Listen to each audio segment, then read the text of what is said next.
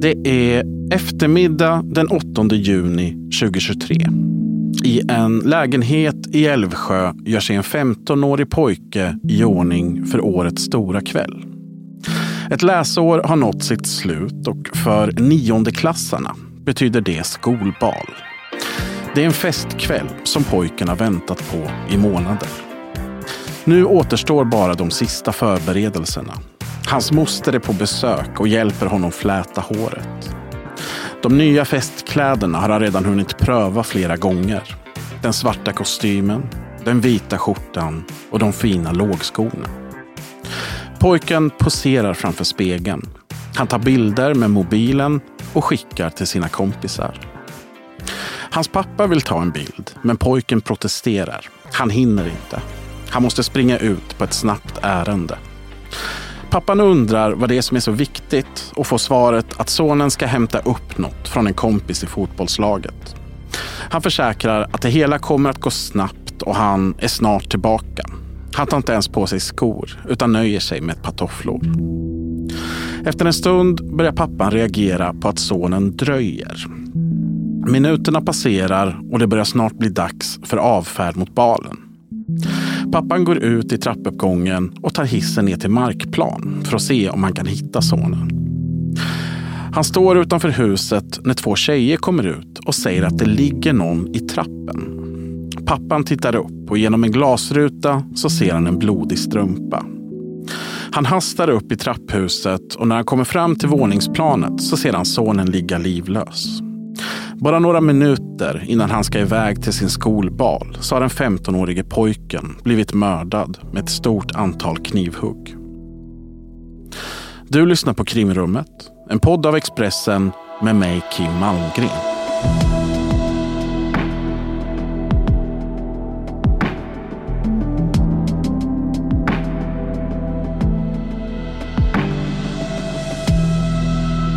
En 16-årig pojke åtalas nu för att ha mördat en 15-årig pojke i närheten av Älvsjö pendeltågsstation i södra Stockholm. Händelsen inträffade i början av juni och enligt åklagaren så ska den åtalade ha tagit sig till offrets trappuppgång och där huggit ihjäl honom med en grillkniv. 2023 har blivit året där vi, hur absurt det än må låta, nästan har fått vänja oss vid att pojkar i 15-årsåldern både är de som utför dödligt våld och de som blir utsatta för det. Det gäller även för historien i dagens avsnitt. Knivmordet i en trappuppgång i Älvsjö den 8 juni i år. Det som skiljer ut i det här fallet jämfört med många andra, det är att det här inte handlar om någon gänguppgörelse. Det finns inget mordkontrakt, utan det hela handlar om två kompisar, två grannar och fotbollskamrater där allting eskalerar utan att någon egentligen hinner förstå det. Vi ska gå igenom den här historien bit för bit och till min hjälp idag så har jag min Expressen-kollega Nina Svanberg med mig här i studion. Välkommen! Tackar! Vi kan fortsätta på brottsplatsen som då är den här trappuppgången i Älvsjö. Efter att den här 15-årige pojken hittas livlös, då bryter kaoset ut? Ja, men det är ju väldigt kaotiskt på platsen. Det samlas fort väldigt mycket människor. Man försöker göra HLR på pojken. Den här pappan har kommit ner och sett sin son ligga där livlös. Han beskriver i förhör hur han ser sin sons ögon, att de inte ser ut som de ska, som de brukar. Pappan åker några våningar upp till resten av familjen där systern, mamman finns. Systern kommer ner, ser sin livlösa bror där. Eh, hon hör sin mamma skrika rätt ut och som inte klarar av att göra någonting annat än att bara skrika utav eh, den här oerhörda chocken och sorgen. Systern eh, blir den som får ringa 112 och larma dit ambulans och räddningstjänst. Mm, när de här skriken skär genom trappuppgången så är det ju många grannar som kommer ut och undrar vad som har hänt. Och det blir väldigt många människor på platsen. Någon gör HLR och flera personer ringer 112 och i takt med att eh, sjukvårdare och polis anländer så sätter man upp avspärrningar kring den här trappuppgången. Som alltid vid den här typen av händelser så blir det alltid en liten folksamling utanför. Det kan vara människor som, som är chockade över vad som har hänt. Man kanske känner de inblandade. Det finns säkert andra som bara är nyfikna och undrar vad, vad det är för uppståndelse. Men i den här folkskaran så, så finns det en man som stegar fram till polisen och säger att han har något viktigt att berätta. För kort innan det här samtalet så, så har han fått ett samtal från sin fru när han befinner sig på jobbet. Det är så att frun i panik har berättat att parets son har kommit hem blodig med en kniv i handen och berättat att han har huggit sin kompis. Den här pappan han, han framstår som ganska samlad i det här ögonblicket när han berättar för polisen. Han säger att deras hem ligger alldeles i närheten, bara någon minuts promenad bort och att han kan visa poliserna vägen dit. Piketen kallas in och när de anländer så går man in i den här lägenheten som mannen pekar ut. Och det som händer där och då, det blir ett ganska lugnt gripande där här inne. Ja, men poliserna vittnar ju om att 16-åringen är ganska lugn, nonchalant och nästan avstängd. Och en polis berättar ju också hur han rycker på axlarna nästan att ja, men det blir ändå bara LVU. Att han inte verkar bry sig om påföljden trots att han då nyss har knivat ihjäl sin, en av sina närmaste vänner. För det som har hänt är ju att 16-åringen har ju precis duschat. Efter att mordet har skett, då går ju 16-åringen hem. Han kommer in genom lägenheten hemma som ju ligger bara typ en minut från själva mordplatsen. Öppnar dörren, skriker liksom mamma, mamma, hjälp mig, berättar mamman i förhör. Då. Eh, hon möter sin son, ser honom blodig, med, sina, med helt blodig på alla kläderna. Hon tror ju att det är han som är skadad. För det första han säger är ju, han attackerade mig. Eh, jag trodde att jag skulle bli skadad, att det var jag, att han skulle vara den som skulle bli dödad där. Hon tar ju då hans kläder och, och sätter i en påse. Och I samband med det så hittar hon ju också kniven som är en kökskniv. Hon känner ju igen kniven från hennes egen kökslåda. Alltså det är en ganska tunn, liten kökskniv men ändå en så här grillkniv som är tandad och den är också av. Hon berättar ju också att när han kommer in blodig så försöker hon ju få honom att öppna kläderna för att hitta var han är skadad, var såren är. Men han berättar ju och vidhåller ju den här historien liksom att eh, ja, men det är han som har som har gjort det här, som har knivat en annan person för att han har varit under hot. Och om, om, om pojken är känslosvävande när han kommer hem, så är han betydligt mer avstängd kort därefter när polisen kommer. Ja, precis. När, när sonen är hemma med mamman, då är han ju i, i spillror kan man säga. Han, han skriker, han gråter, han skakar, berättar mamman. Hon gör allt hon kan för att lugna honom. Hon försöker hålla om, om honom, kramar honom. Hon berättar också i förhör att, att han säger hur mycket han älskar henne, att han inte vill att hon ska bli skadad. Och det här är ju också någonting som hon Eh, reflekterar över sen för att hon säger just att så här, han hade distanserat sig innan. Så. Men medan han, pojken är i duschen, då ringer hon sin man, då, pojkens pappa, och berättar att du måste komma hem, det har hänt någonting hemskt.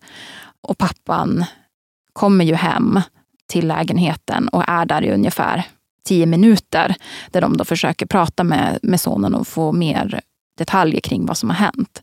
Och sen är det ju då pappan går ut till eh, polisen. Någonting som poliserna, som fastnar hos poliserna som gör den här insatsen.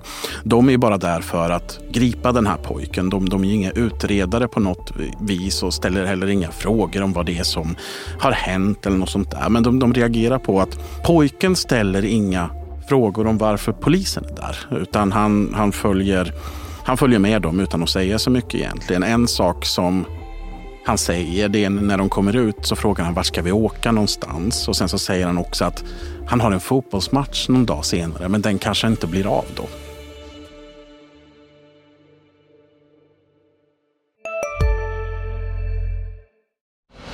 Nu på Storytel. Försvarsadvokaten Lydia Levander får chansen att lösa sitt största fall genom att försvara en misstänkt mördare. Hur långt är hon och kollegorna på advokatbyrån Pegasus beredda att gå? Fallet Mikaela. En ny deckare från succéförfattaren Anna Bågstam. Lyssna nu på Storytel.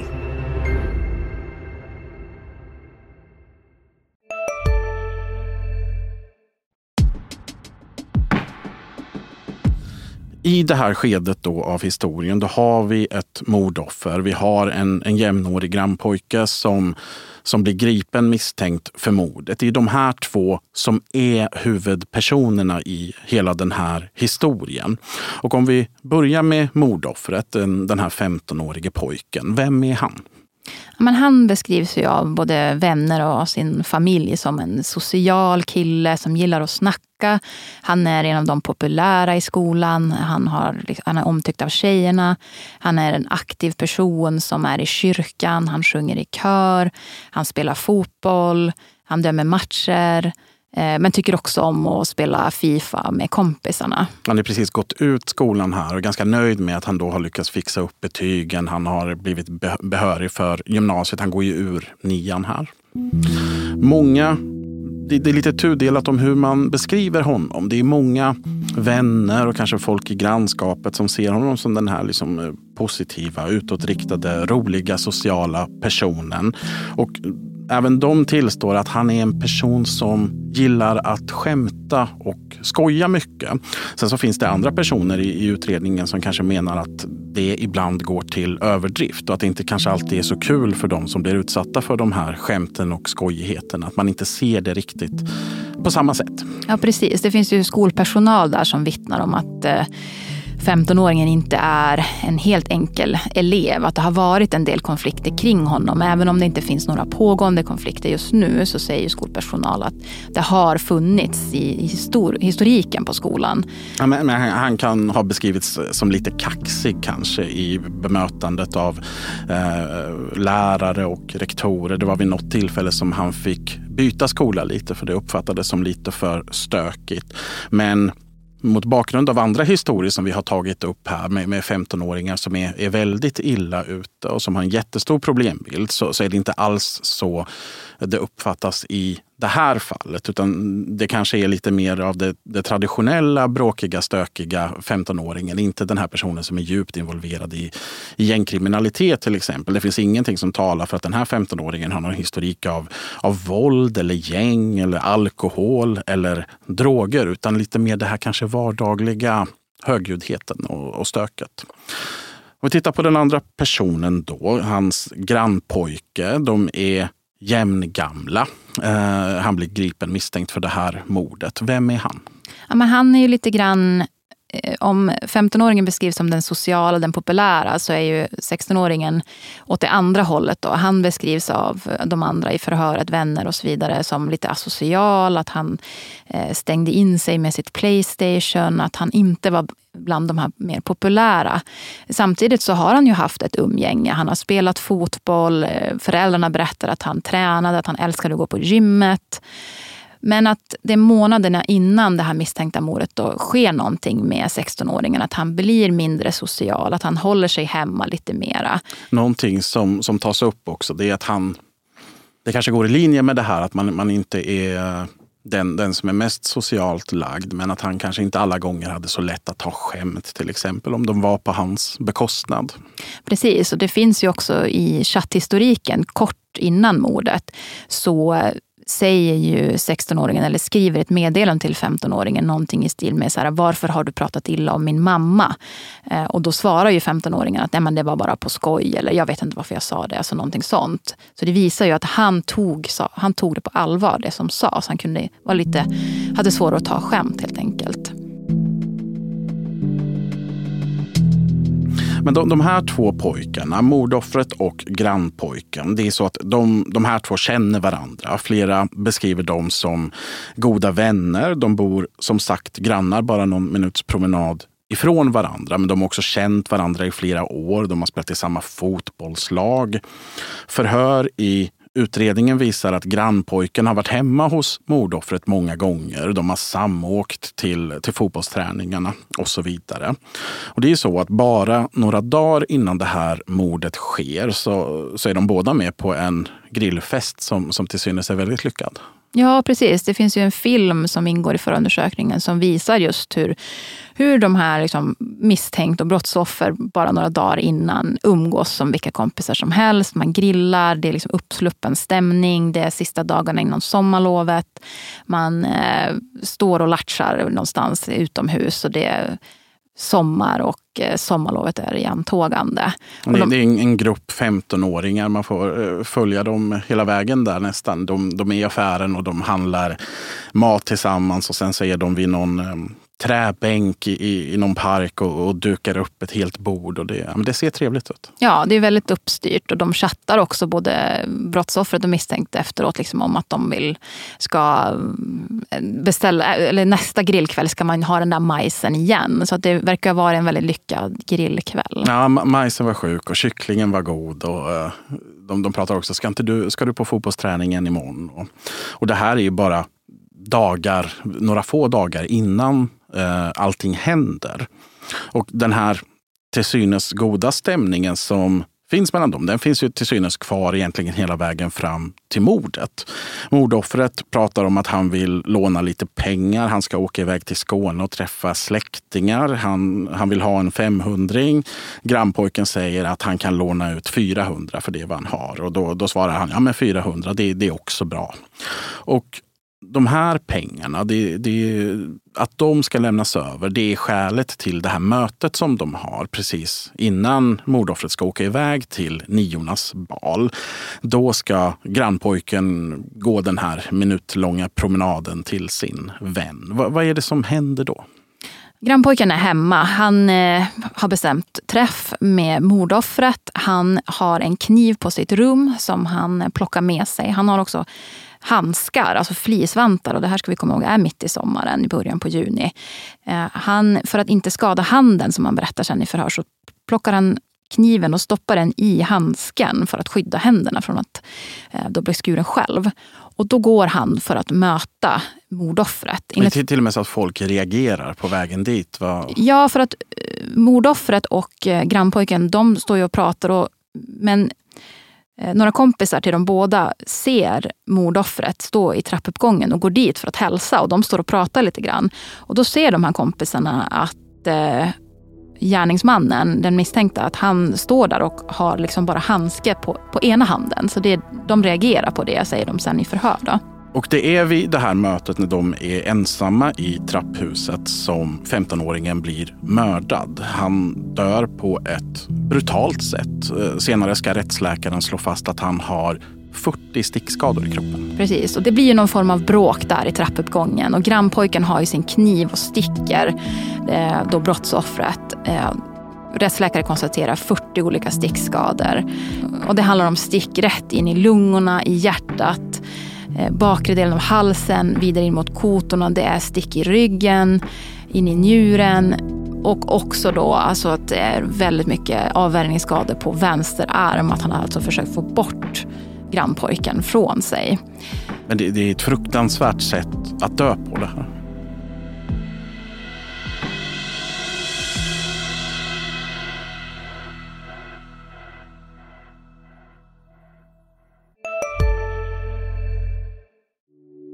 Hej, Ulf Kristersson här.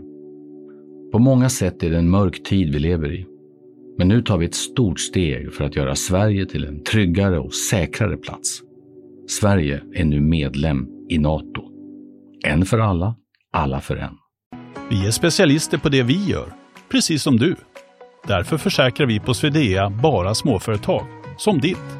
För oss är små företag alltid större än stora och vår företagsförsäkring anpassar sig helt efter firmans förutsättningar. Gå in på swedea.se företag och jämför själv.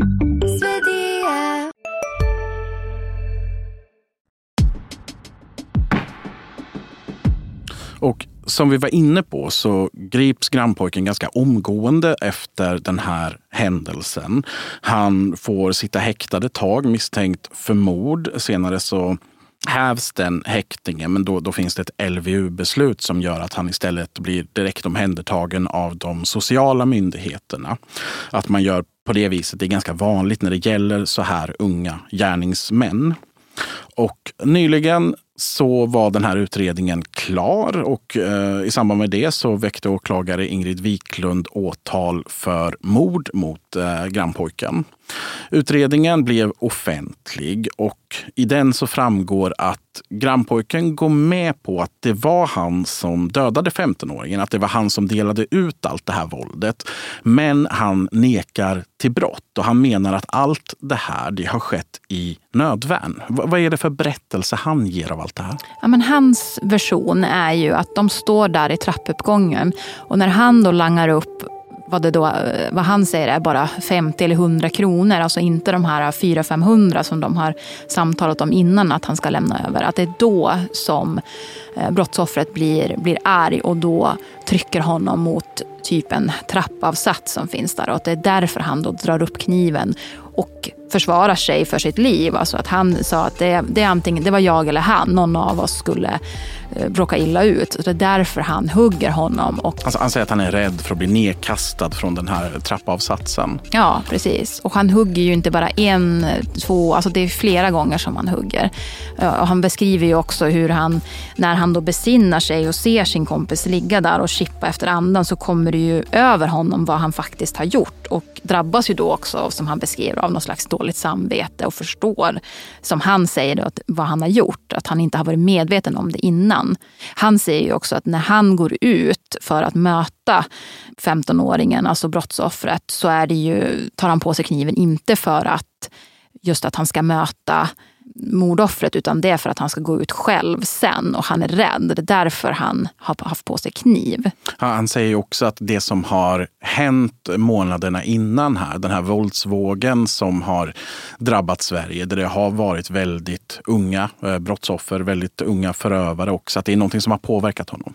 Ja men precis, man har ju kunnat se då i, i mobilspårningen att han söker på zombiekniv, olika vapen, knogjärn och så vidare och läser ju också, berättar om hur han har läst om knivattacker mot eh, andra 15-åringar. Han säger att han har haft en kompis som har blivit knivad. Eh, han är väldigt, eh, framstår som upptagen av den här våldsvågen och hur den kan tänkas drabba honom och hans familj. Och det är någonting som bidrar då till den här rädslan, att han, han känner sig vara under hot. Och den här berättelsen som, som han ger, den, den står inte helt oemotsagd, utan åklagaren har ju också landat i att eh, man, man, köper inte det här nödvärnet rakt av, utan man, man väcker åtal för mord för man menar att det finns förutsättningar för en fällande dom. Och det finns en hel del omständigheter som är besvärande för, för grannpojken utifrån den, den berättelse som han har lämnat. Till exempel det här med 40 stycken stickskador från en kniv. Behövde han försvara sig med den mängden av våld. Det finns också den här att det är den andra pojken som ska, den här 15-åringen då, som ska ha gått till attack först. Att han ska ha haft någon, liksom, någon, någon, någon, plan eller någonting med att angripa honom. Den här killen han går ut i trappuppgången med Dels är han på väg till årets största fest. Han har sett fram emot det här jättemycket. Han ska bara springa ner lite snabbt. Han, han tar tofflor på sig. Kanske inte den typen av skodon som man använder om man ska liksom ge sig på någon.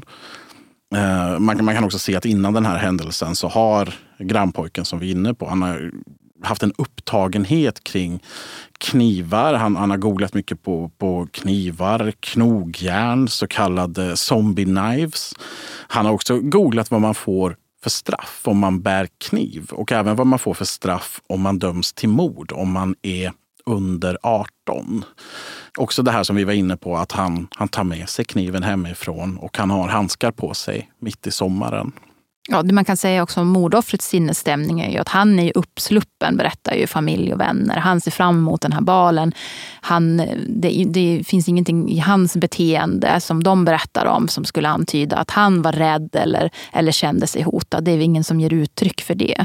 Och, och vad som egentligen ligger bakom att den här 15-årige pojken huggs till döds av sin jämnåriga granne. Det, det, vi har egentligen inte fått några säkra svar på varför det här sker, för det är en helt vansinnig eskalering. Ja, och försvaret ger ju inte heller något riktigt svar på det annat än att den misstänkta mördaren var rädd och eh, var rädd för att vara utsatt och att det här spelade in i narrativet att bli utsatt för någonting. I den här utredningen då har ju grannpojken förhörts flera gånger. Hur, hur ser han på att han har, har, har dödat sin vän? Visar han någon ånger här? Men jag pratade ju med försvaret och de, jag frågade just den frågan. Så här, hur ser eh, den misstänkta på sin brottslighet? Har han, eh, liksom, känner han någon ånger? Eh, och då sa försvarsadvokaten just att ja, men han tycker att resultatet blev väldigt tråkigt. Att han önskar att det här var ogjort men att han såg ingen annan utväg när det här skedde. Det var han eller, eller mordoffret.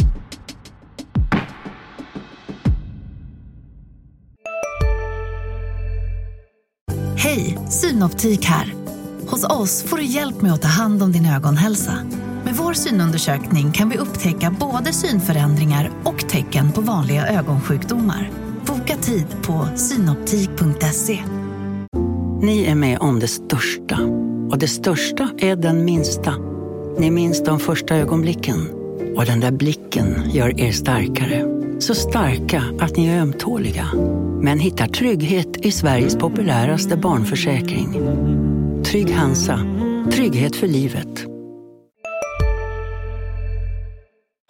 Den här rättegången den kommer att hållas inom kort i Södertörns tingsrätt. Och att det här fallet klaras upp, det är naturligtvis väldigt viktigt för alla som är inblandade. Men eftersom grannpojken var 15 år gammal när det här hände så det är inte tal om några längre straff här. Utan vid en eventuellt fällande dom då så är det sluten ungdomsvård som är aktuellt för honom. Eh, vi sätter punkt för veckans avsnitt av Krimrummet. Tack Nina Svanberg för att du ville vara med. Tack för att jag fick komma. Och nyhetsklippet i början av avsnittet är hämtat från P4 Stockholm. Om du som lyssnar har frågor, nyhetstips eller synpunkter så är du som alltid välkommen att höra av dig till mig på kim.malmgren.expressen.se. Ett nytt avsnitt av Krimrummet kommer nästa vecka. Lyssna då! Du har lyssnat på en podd från Expressen. Ansvarig utgivare är Klas Granström.